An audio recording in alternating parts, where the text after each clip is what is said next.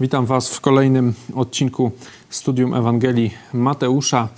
Dzisiaj będą takie antyżydowskie, antyizraelskie przepowiednie Jezusa, także myślę, że dla Polaków to będzie cieka szczególnie ciekawe. Także to już za chwilę będzie się działo, ale na początek pomódlmy się. Panie, dziękuję Ci za to, że możemy się tutaj spotkać. Dziękuję Ci, Panie, za to, że możemy studiować razem Twoje słowo za pomocą tej technologii.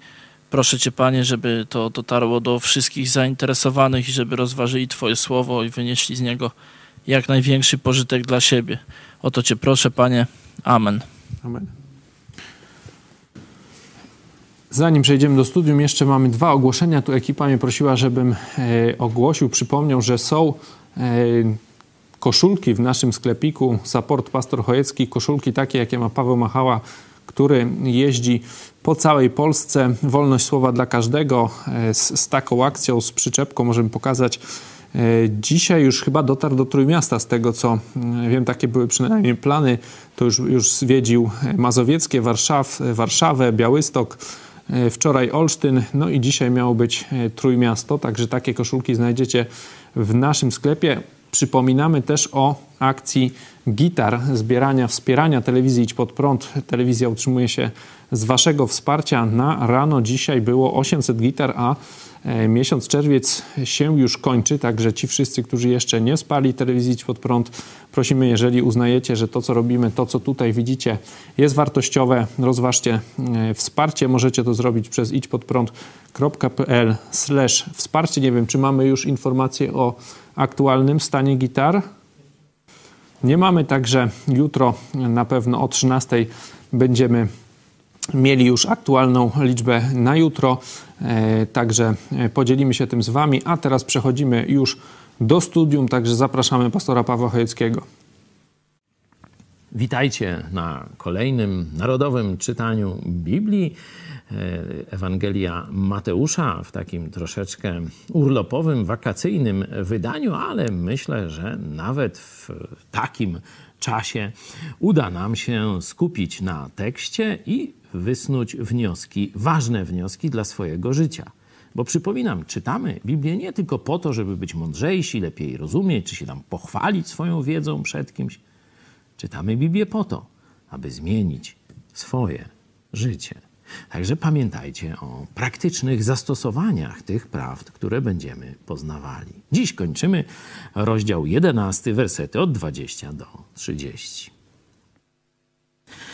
Wtedy zaczął grozić miastom, w których dokonało się najwięcej jego cudów, że nie pokutowały.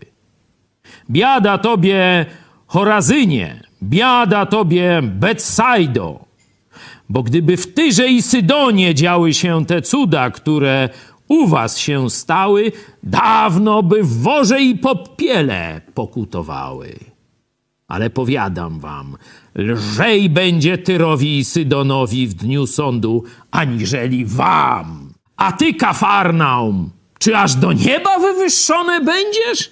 Aż do piekła zostaniesz strącone.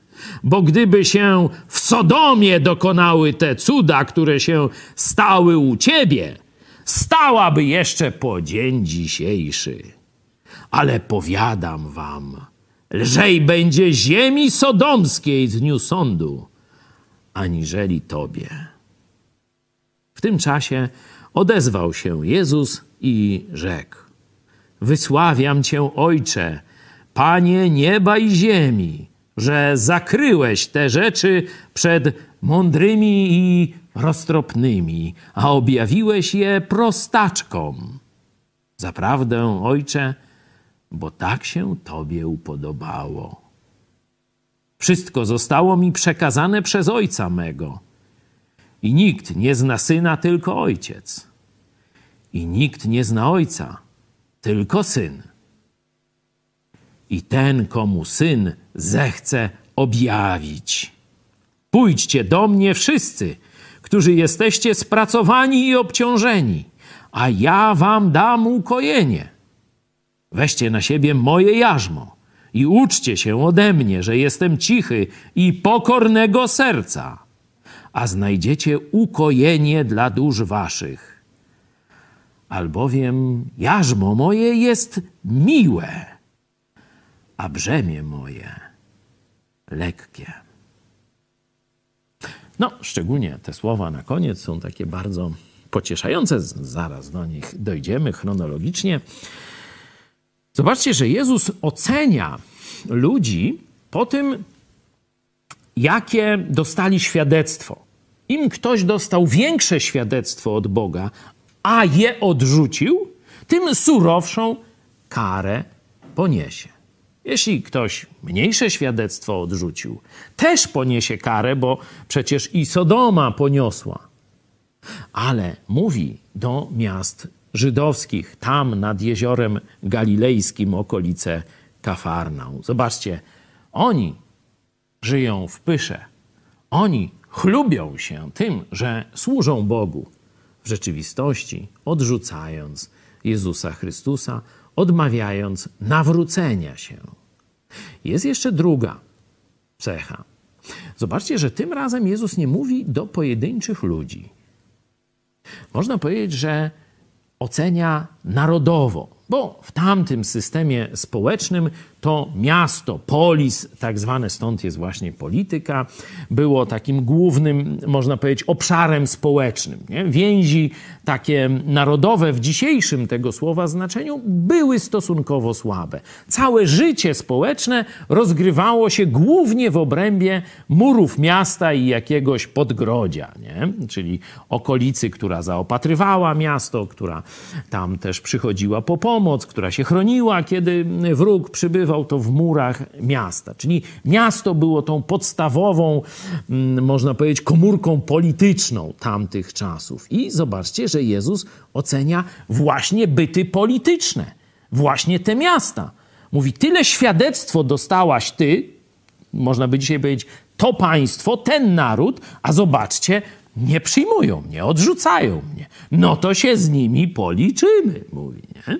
Z kolei ci tam przyjmują i tak dalej, i tak dalej. Zobaczcie, że ta myśl e, rozwinięta jest w dziejach apostolskich w 17 rozdziale, kiedy apostoł Paweł dyskutuje z najmądrzejszymi ludźmi świata na Aeropagu w Atenach, mówi właśnie o państwach i narodach. 26 werset. Z jednego pnia wywiódł Bóg też wszystkie narody ludzkie, aby mieszkały na całym obszarze ziemi, ustanowiwszy dla nich wyznaczone okresy czasu i granice ich zamieszkania. No tu już wyraźnie mamy już nie tylko samo polis, ale coś, większe, coś większego. Naród i granice narodu, czyli państwo można powiedzieć. I 27 werset pokazuje zadanie dla narodu i państwa, żeby szukały Boga.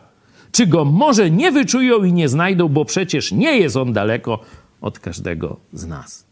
Zobaczcie, Bóg ocenia narody i państwa po tym, czy szukają Boga, dokładnie czy znajdują Boga. Inaczej mówiąc, czy odpowiadają na świadectwa, które Bóg temu narodowi daje.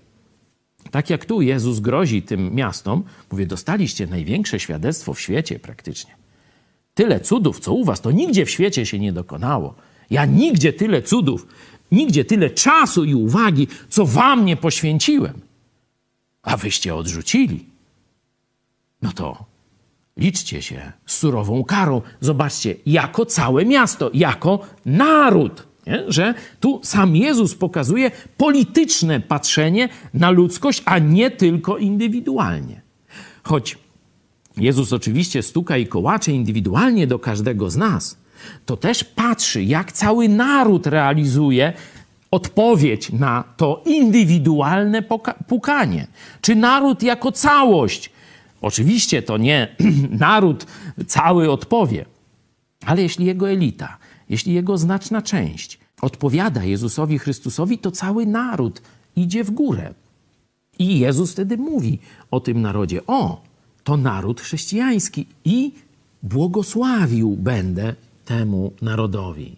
Ten z kolei naród odwraca się ode mnie, odwraca się od mojego słowa. Nie chce słuchać moich napomnień, nie chce słuchać mojego głosu. Ten naród będę karcił. No, to właśnie Tak rozumiem tę przemowę Jezusa do tych miast północnego Izraela. Następnie Jezus wysławia Ojca, wysławia swojego Ojca, Boga Ojca, tak jakby byśmy powiedzieli, mówiąc o trójjedynym Bogu. I szczególnie końcówka. Zakryłeś te rzeczy przed mądrymi i roztropnymi. Tu nie chodzi o to, że, że Bóg celowo w jakiś sposób nie lubi ludzi, którzy no, mają wielkie wykształcenie, tam po ludzku do czegoś doszli, są mędrcami, bogaczami, politykami itd. Tak nie. Chodzi o to, i to wielokrotnie e, można zobaczyć, to tak jak Jezus mówi, zobaczcie, bogatemu tak trudno jest uwierzyć, jak wielbłądowi przejść przez ucho igły. O, to taka brama malutka, takie wejście w murze, tam w różnych miejscach się pokazuje, że może to, może tamto, różne tradycje kościelne to pokazują. Chodzi o to, że wielkość zasług, wielkość pozycji, wielkość bogactwa, wielkość pychy utrudnia temu człowiekowi padnięcie do nóg Jezusowi, bo on w sobie widzi wartość, w swoich dokonaniach, swojej mądrości, a nie chce uznać, że przed Bogiem jest jak skrwawiona, splugawiona szmata. Taki obraz znajdujemy w księdze Izajasza. Tak Bóg patrzy na mnie i na ciebie, gdyby widział tylko nasze grzechy. Jeśli jeszcze nie znasz osobiście Jezusa, to rzeczywiście Bóg widzi tylko Twoje straszne grzechy. I gdyby Cię w tym stanie zastał sąd, musiałby Cię na wieki odrzucić do piekła. Jeśli jednak rozpoznajemy uznamy, że rzeczywiście nadajemy się do piekła z powodu naszych grzechów i rozpoznajemy w Jezusie tego, który umarł zamiast nas, który zmył nasze plugawstwa, nasze straszne grzechy, zbrodnie, swoją bezcenną krwią przeraną raz na zawsze na krzyżu Golgoty. Wtedy Bóg obiecuje, stajemy się czyści jak śnieg, biali jak wełna. Nie dzięki naszej mądrości, nie dzięki naszym zasługom, nie dzięki chodzeniu do kościoła, czy, że tak powiem, księdzu proboszczowi. Dzięki Jezusowi Chrystusowi, który umarł za nas, a teraz żyje i chce nas oczyścić. To mogą zrozumieć ludzie, którzy odrzucą ludzkie patrzenie na siebie i popatrzą oczami Boga, jak wyglądamy bez Chrystusa, czyli uznają prawdziwie w sercu swoją grzeszność. Wtedy dopiero zawołają szczerze do Jezusa: Jezus, baw mnie. Jeśli to rozumiesz, to dziś zawołaj do Jezusa. Po co masz czekać? Po co zwlekać? Jezus stoi kołacze, on chce. Jeśli rozumiesz, no to go zaproś. Niech on obmyje cię. Bądź na zawsze czysty dzięki Jego łasce, dzięki Jego krwi przelanej za ciebie. Wtedy doświadczysz tego, co jest dalej. Zobaczcie, oczywiście jest mowa o znajomości Ojca. Kto przyjdzie do Jezusa, ten pozna Boga. Bez Jezusa nie ma poznania Boga. Nikt nie przyjdzie przez świętego Józefa czy przez kogoś tam jeszcze. Te wersety ostatnie, one są takie, jakby to powiedzieć, najbardziej kojące duszę. Pójdźcie do mnie wszyscy, którzy jesteście spracowani i obciążeni, a ja dam wam ukojenie. Czy jest ci źle na ziemi z powodu Twoich grzechów, z powodu grzechów innych, z powodu ciężarów, które musisz nosić, żeby zarabiać na życie, przetrwać jakoś tutaj? Ja na Ciebie czekam mówi Jezus Chrystus. Pójdźcie do mnie wszyscy, którzy jesteście spracowani, obciążeni, a ja wam dam ukojenie. No i tu taka pewna niedogodność, jarzmo. Pamiętacie, jak czytaliśmy inne listy apostoła Pawła, czy listy apostoła Pawła, mówiliśmy, że on nazywa się niewolnikiem Chrystusa i też chrześcijan tak nazywa. Tu Jezus mówi to samo. Weźcie moje jarzmo. Tak, żeby się można jak zaprząc do Jezusa, tak jak wół w jarzmo się e, wprzęga. Weźcie na siebie moje jarzmo, uczcie się ode mnie. znajdziecie ukojenie dla dusz waszych. Ale tu 30 werset jest tym pocieszeniem. Zobaczcie. Moje jarzmo jest miłe. W tym czasie byli przywódcy religijni faryzeusze. Oni też nakładali na Żydów przeróżne nakazy, zakazy, jarzma, religii. Straszne to było, niewygodne. Przeciążenie, bezsensowne ograniczenia i tak dalej, i tak dalej. Kontrze do tego jest mówi, a moje jarzmo jest miłe, bo ja znam swoje owce. Ja im nigdy nie założę czegoś, co dla nich nie jest dobre, co do nich nie pasuje. Religia, człowiek narzuci na ciebie bzdury. Jezus narzuca, daje ci to, co cię ratuje, co jest ci potrzebne, co jest do ciebie przypasowane, ale jest coś więcej. Przywódcy religijni czasów Jezusa nakładali na Żydów prostych ogromne obciążenia przeróżnych nakazów i zakazów. Ale Jezus mówił, ale sami palcem nie chcą tknąć tych nakazów i zakazów. Czyli lud jęczał, a oni mieli wszystko gdzieś. Dlaczego Jezus mówi, że jego jarzmo jest lekkie?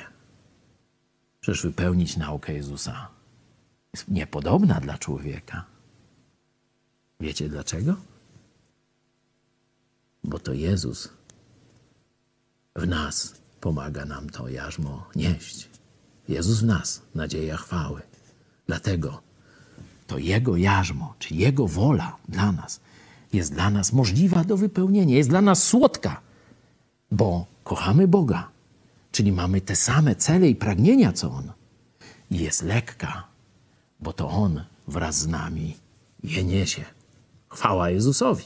Do zobaczenia.